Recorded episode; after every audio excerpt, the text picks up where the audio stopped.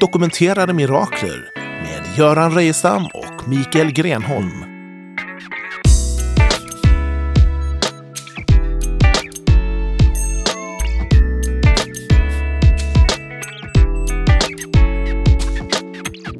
Hej och välkomna till ännu ett avsnitt och det sista i den långa programserien Dokumenterade mirakler. Vi är uppe nu i avsnitt 10 med mig, Göran Reicham och eh, ännu bättre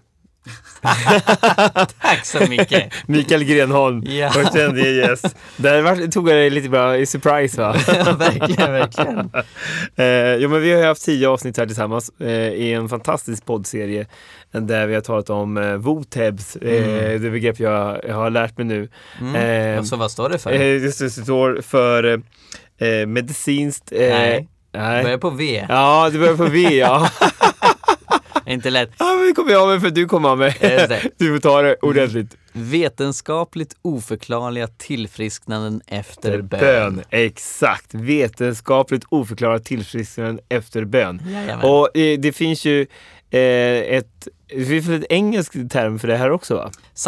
Är Just det, säkert. Ja, Mm, scientific, scientifically inexplicable cures after prayer. Ja, och för vanliga dödliga svenskar så handlar det helt enkelt om mirakulösa sjukdomshelanden med, med mera Mm. eh, och liknande. Eh, och det är det vi har intervjuat människor om och Mm. gått igenom i tio avsnitt. Och varför allt detta fokus egentligen på helande ur ett kristet perspektiv och vilket är ju naturligtvis fa- fantastiskt för de människor som har fått uppleva det, exempelvis då som Per-Ola som blev helad från ALS och en dödsdom. Mm. Eh, men varför fokuserar Bibeln och den kristna tron så mycket på mirakler och på helanden? Exakt, exakt. Ibland har jag fått höra att ja, men det här med mirakler och helande, det är onödigt och det ska man inte prata om. Det är lite new age nästan. Ja men, nej, men precis. Och, och jag kan köpa att det finns en risk att bli så pass fokuserad på det här att man enbart intresserar sig för den övernaturliga kraften och struntar i vad är källan. För, för det är viktigt att, att, att eh, reda ut, inte bara att det finns en kraft, utan också att det är en god kraft. Att det är en kraft som kommer från Gud som är godheten själv. Så det är väldigt viktigt. Men jag köper inte liksom att mirakler skulle vara oviktiga eller en bagatell. Om vi tittar på Nya Testamentet så ser vi att hela tiden så gör Jesus mirakler. Att, att, att helande var verkligen det som kännetecknade hans tjänst. Eh, det har sammanfattats av en teolog som jag gillar som heter John Wimber av att Jesus inte bara proklamerade Guds rike genom att undervisa utan han demonstrerade Guds rike. Hur då? Jo, för att Guds rike och himmelrike, det är samma sak. Och i himlen finns ingen sjukdom. I himlen finns inget lidande, i himlen finns ingen död. Så det Jesus gör när han botar de sjuka är att han manifesterar Guds rike här och nu. Precis på samma sätt som att han också hjälper de fattiga, för i himlen finns ingen fattigdom. Så det, det är mer än det mirakulösa, men det mirakulösa har en central plats i att visa vem Gud är. Och det är det som är så vackert med ett helande. Att inte bara så är det ett tydligt tecken på att det här är något mer än en mänsklig lära, här finns det något himmelskt. Utan det är också så konkret att det handlar om att lindra lidande. Om att Gud griper in för att hjälpa människor som lider på grund av sjukdomar och skador. Och det kommunicerar någonting av Guds karaktär. Så det gör att jag fullkomligt älskar det här. Det finns ju en sekulär och ateistisk uppfattning om kristna som är så här radikala, att man tror på mirakler och tror på, på verkligen att Bibeln är bokstavligt sann, så här fanatiker, bibelfundamentalister. Du kommer ju själv inte från en sån kontext, jag har ju tagit upp det några gånger i den här programserien. Du själv kommer ju från en en, eh, inte sekulär, men en, från en liberal teologisk tradition där man inte trodde så här. Exakt, exakt. Eh, Bå- Båda mina föräldrar är präster men inte särskilt eh, karismatiska evangeliska präster direkt utan de har ju snarare lutat åt Bultmann-traditionen inom eh, svensk kyrklig teologi som går ut på att avmytologisera eh, kristendomen. Så man skär bort alla mirakler och så betraktar man kristendomen. Okej, vad är kvar då? Ja, men det är en ganska trevlig etisk lära om att man ska vara snäll. Eh, de har inte kanske gått riktigt så långt, men de står lite i den traditionen. Och så kommer jag Mm. och pratar om under och tecken. Så pappa sa vid ett tillfälle, vad är det där för hokus pokus? Eh, det var några år sedan. Nu har han mer ödmjuk inställning och, och, och ser fram emot att läsa boken och sådär. Eh, han har inte läst den än. Men, men ja, det, det, det är väldigt spännande och jag upptäckte ju att, att här finns något mer. Eh, min inställning till kyrkan när jag växte upp var att det är ett museum som minns hur Stålmannen betedde sig för 2000 år sedan. Och Stålmannen kunde gå på vatten och, och, och, och göra vatten till vin och så vidare. Och, och så minns vi hur häftigt det var.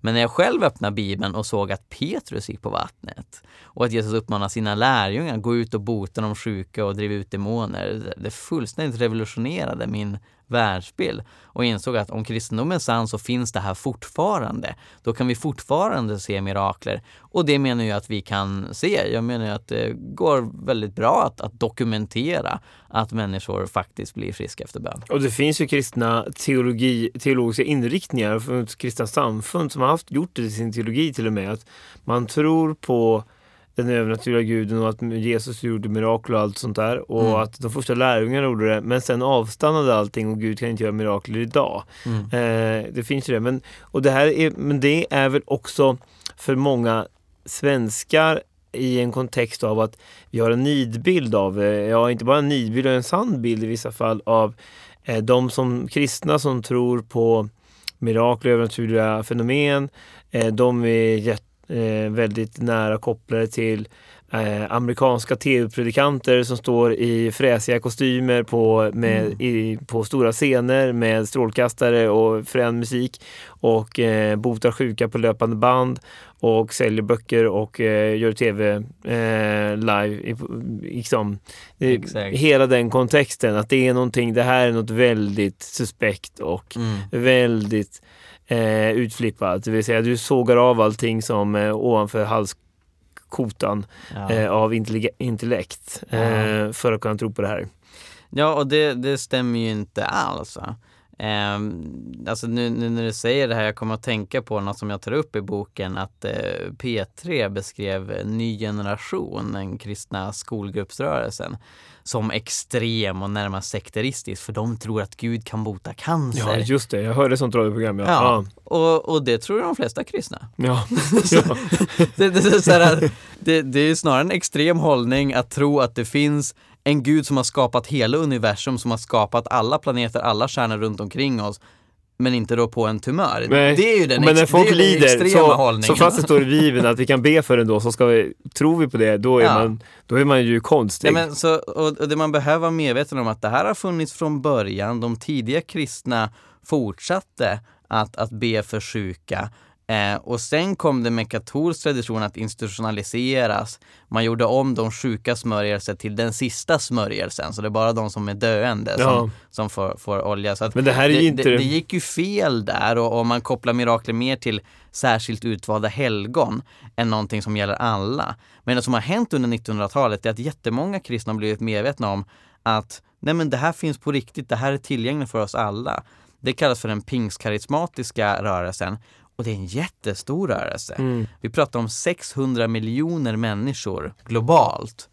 Och de allra flesta av dem bor i Afrika, Asien, Latinamerika. Mm. Störst i Så- Sydkorea och Brasilien. Ja men precis, precis. Så just den här bilden av att nej, men det här är liksom eh, amerikanska människor som lever i lyx som, som tror på mirakler. Det, det stämmer ju inte allt. Det finns några som liksom har den profilen.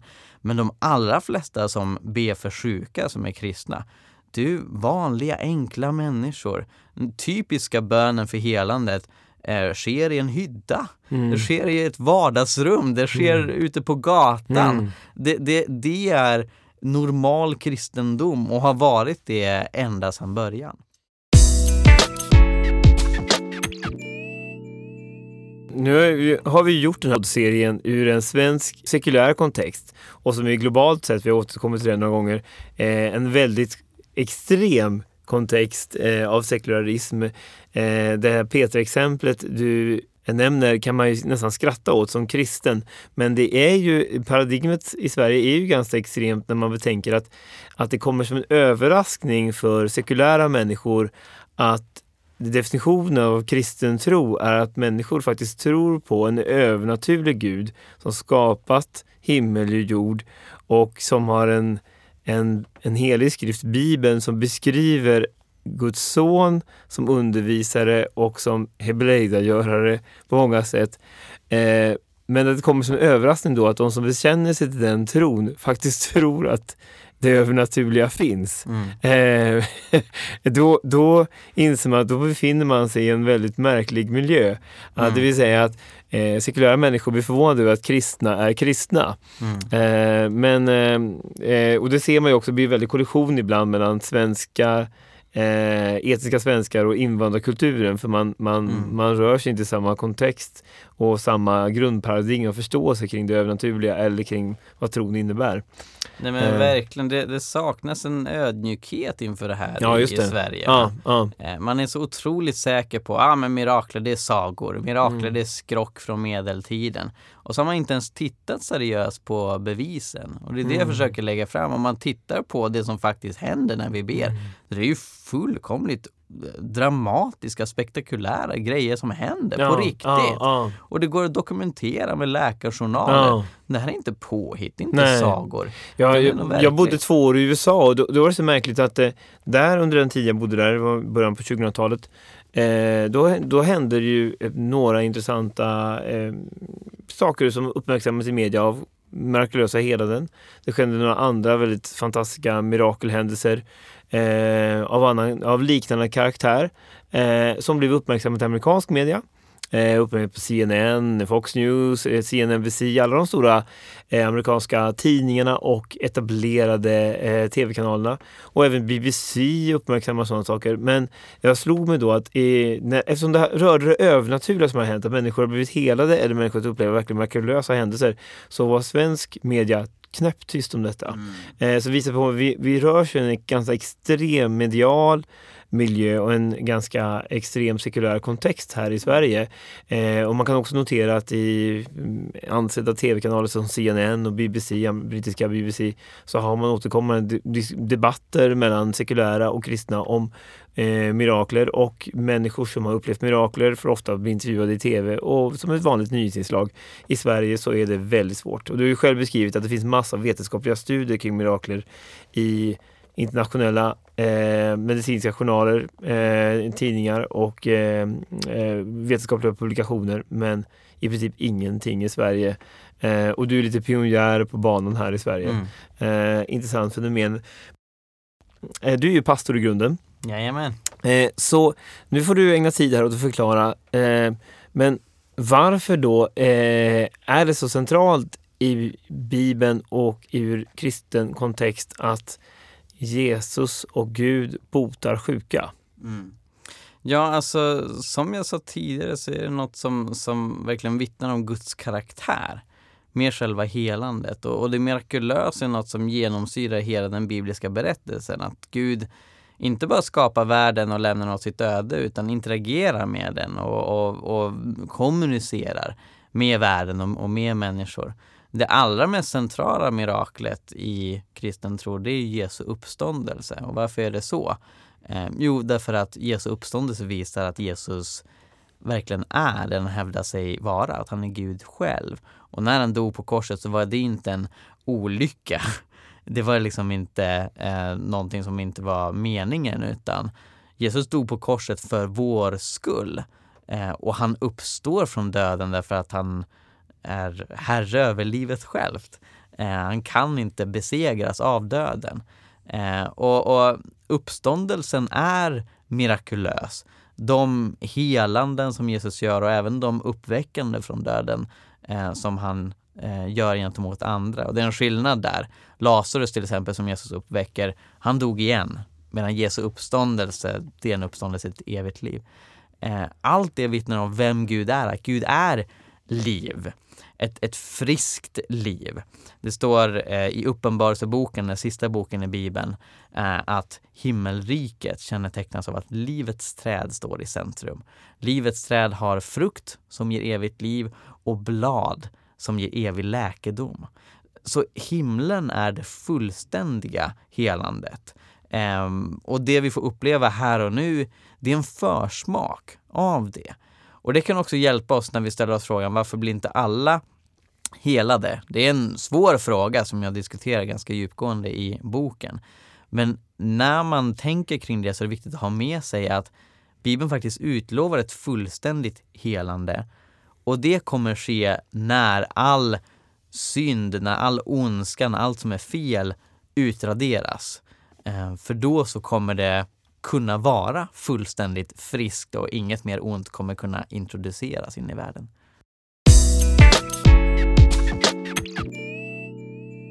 Muslimer anser att Jesus också var en profet. Och muslimer förnekar inte heller mycket av det som Jesus gjorde som beskrivs i de fyra evangelisternas vittnesbörd om eh, Jesu liv. Eh, mm. Matteus, Markus, Lukas och Johannes evangelium.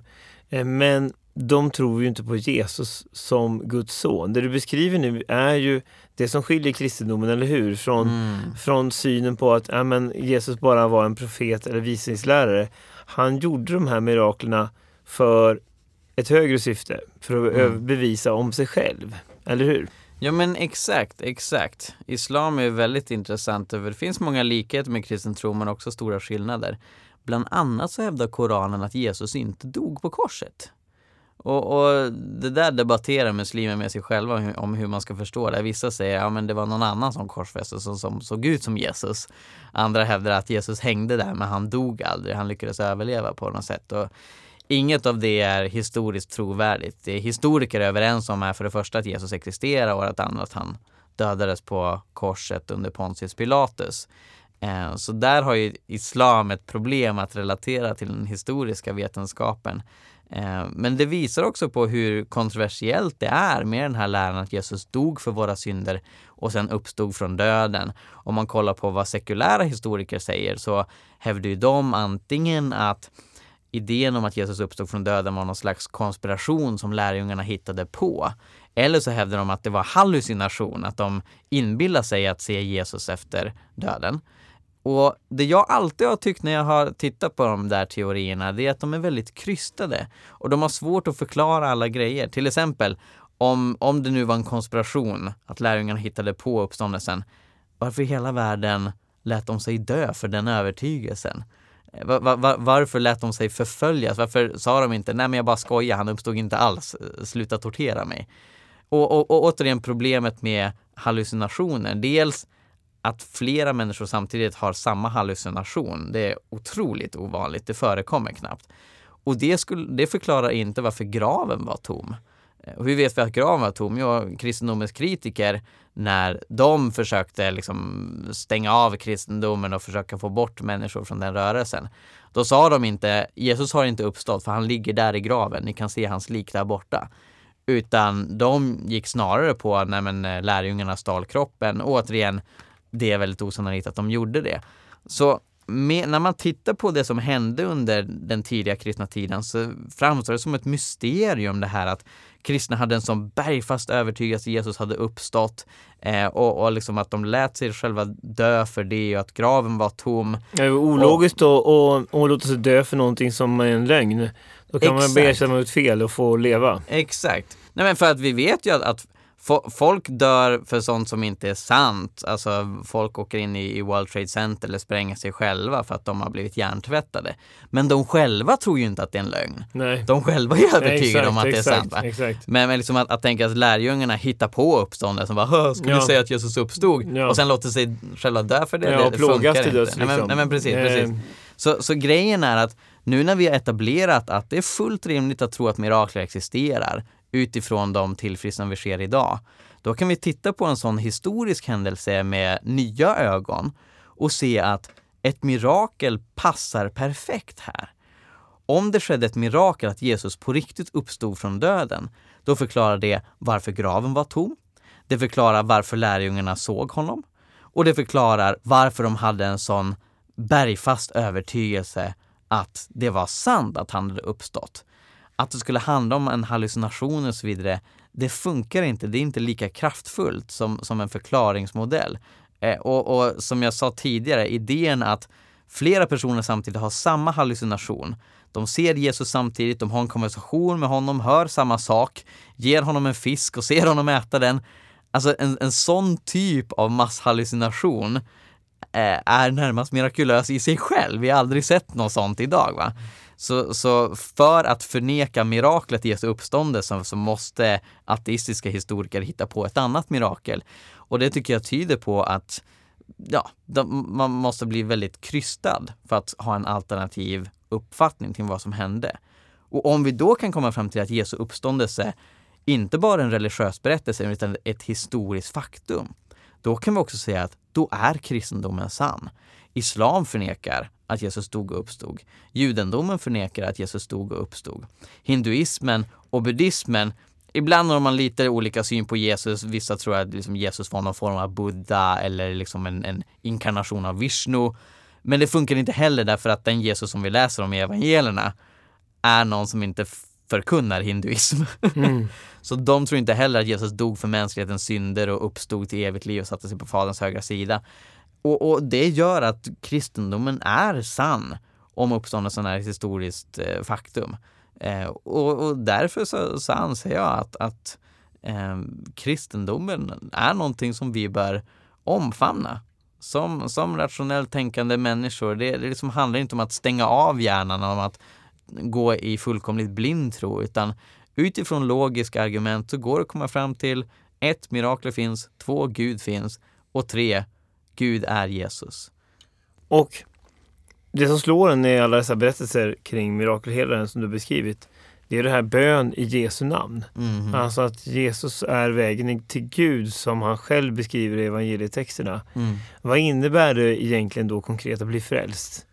Att göra precis, den resan? Precis, För om du som lyssnar på det här känner att jag vill uppleva mirakler i mitt liv, jag vill ta del av det här som jag har hört om i programmet.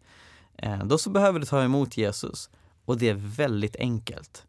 Det, det, centrala där handlar om att man bekänner det man har gjort fel eh, inför Gud. För det som separerar oss från Gud, det som gör att Gud ofta kan kännas väldigt distant och långt borta, det är just det som Bibeln kallar vår synd, det vi gör fel. Eh, och vissa som jag mött på stan, de tänker, ja men synd, det är väl bara att eh, typ, dricka sig full. Men nej, det är betydligt bredare än så. Eh, det handlar om allt ont som vi gör gentemot oss själva, mot varandra och mot Gud. När vi inte älskar Gud, när vi inte älskar andra människor, behandlar varandra illa. Så det behöver vi bekänna. Och de goda nyheterna är att Jesus dog för oss på korset för att all vår synd skulle tvättas bort från oss. Han dog inte där för sin egen synd, för han hade ingen. Jesus är Gud. Utan han dog för vår skull. Han tog vårt straff på sig. Och så när vi bekänner det vi har gjort fel och vi ber till Gud, förlåt mig mina synder. Jag tar emot Jesus som min frälsare och jag tar emot den heliga ande som gåva. För det har Jesus lovat, att alla som tillkallar honom kommer få den heliga ande som gåva. Då är du frälst. Och vad betyder frälst? Det kommer från ett gammalt svenskt ord som betyder frihalsad. Det handlar om att bli fri från sitt slaveri. Fri från bundenheten kring det här onda och, och skulden som tynger ner oss. Att stå fri från det och få omfamna Gud och bli hans barn, bli född på nytt. Det är att vara sant fri och det öppnar upp porten till himlen. Då vet vi att jag har nu evigt liv, jag är odödlig. Jag kommer vara tillsammans med Jesus i evigheternas evighet. Och inte bara vilken evighet som helst. Ibland säger folk, nej men evigt liv låter så tråkigt och plonka på en harpa i tusen miljarder år. Här snackar vi evigt liv i lycka. Livet som det var skapat för att vara. Fullständigt liv i Guds omedelbara närhet. Det är vad vi får helt gratis. Enbart genom att bekänna vår synd och be att Jesus blir Herre i mitt liv och bekänna honom eh, som den han är, som kungarnas kung, som den som verkligen bestämmer över mig och som har uppstått från döden. När vi bekänner det med munnen och tror det i vårt hjärta, då lovar Bibeln att då är vi frälsta. Och det här är ett erbjudande till var och en som lyssnar, eller hur? Absolut, absolut. Och vissa tänker ibland, nej men jag har, jag har gjort för mycket dumt. Gud kommer inte förlåta mig, mig kan inte förlåta. Han kan förlåta allt. Det är Gud vi pratar om. Och hans kärlek till oss är oändlig. Så det enda som hindrar oss är egentligen vårt eget högmod eller vår egen rädsla, att vi inte vill komma till honom och böja knä. Men gör det. Böj knä inför Gud och se vad som kan hända. Därför att då får du inte bara uppleva andens gåvor, ta emot helandets kraft, se mirakulösa saker som de vi har pratat om, utan du får ta del av det allra största miraklet. Jesus sa till sina lärjungar, gläd er inte så mycket för att demonerna lyder er, även om det är bra, utan gläd er framför allt för att era namn är skrivna i Livets bok. Ni har fått ta del av det eviga liv som Gud har tänkt åt sina älskade barn. Och det har vi när vi har tagit emot Jesus som vår frälsare. Mm. Ja, Gud, om nu vi tror på en skapande Gud, en skapande Gud som har skapat alla människor och skapat oss av kärlek och vi tror på att Gud älskar oss, då är det ju rimligt att tänka sig att Gud har inte skapat oss med syftet att vi en dag ska komposteras, utan vi ska ha ett evigt liv. Vi ska finnas för evigt, för det är vad Gud vill. Eller hur? Exakt, mm. exakt. Eh, tack så hemskt mycket Mikael för den här programserien. Det har varit eh, fantastiskt intressant att höra eh, all din dokumentation och allting som du har gjort kring det här bokprojektet eh, som är så högaktuellt. Eh, och det blir intressant att se hur media och det sekulära Sverige tar emot den här boken och eh, upplever det här. Och fram, men ännu viktigare är naturligtvis hur du som lyssnar upplever på det här. Eh, att det ska på något sätt skaka om var och en som lyssnars världsbild. Eller hur Mikael? Det är väl Verkligen. ultimata syftet med, med, allt det här. Mm. Och förhoppningsvis du som lyssnar har fått flera tankar kring det här. Du kanske har fler frågor som vi inte tagit upp. Och då vill jag verkligen eh, rekommendera dig att eh, gå in på hemsidan dokumenterademirakler.se.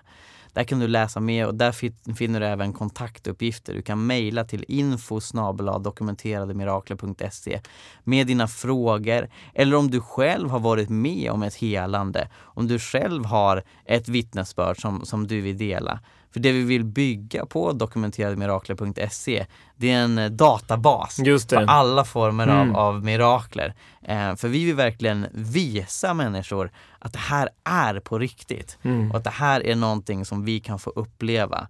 Eh, och där hittar du mycket annat smått och gott och, och liksom kan hitta andra som, som delar samma intresse. Så mm. gör det verkligen. Mm, ja, välkommen och hör av dig dit. Och, Eh, vi på radion vi kommer länka till eh, den här webbsidan, dokumenterarpomirakel.se och du som lyssnar på det här och själv har berättelser, eh, som sagt kontakta Mirakelsidan och vill du vara med, den som är trogen lyssnare på radiokanalen vet att vi har återkommande varje dag sändningar, livsberättelser för där vi presenterar människor som själva berättar om hur de har fått uppleva mirakel i sina liv och livsförvandlande upplevelser i resan att eh, ta emot Jesus Kristus som sin Herre i sitt liv. Så eh, vill du bidra eh, med din berättelse till denna rika skatt och databasen bygger upp just, just sådana här dokumenterade mirakler eller livsberättelser så är du hjärtligt välkommen att kontakta oss. Eh, tack så hemskt Mikael för det här eh, programmet och för den här programserien. Tack så eh, jättemycket. Tack så mycket ja. och tack kära lyssnare för att ni har lyssnat. Hej! Har du blivit berörd av det här programmet eller har någon fråga? Skriv ett mejl till info dokumenterandemirakler.se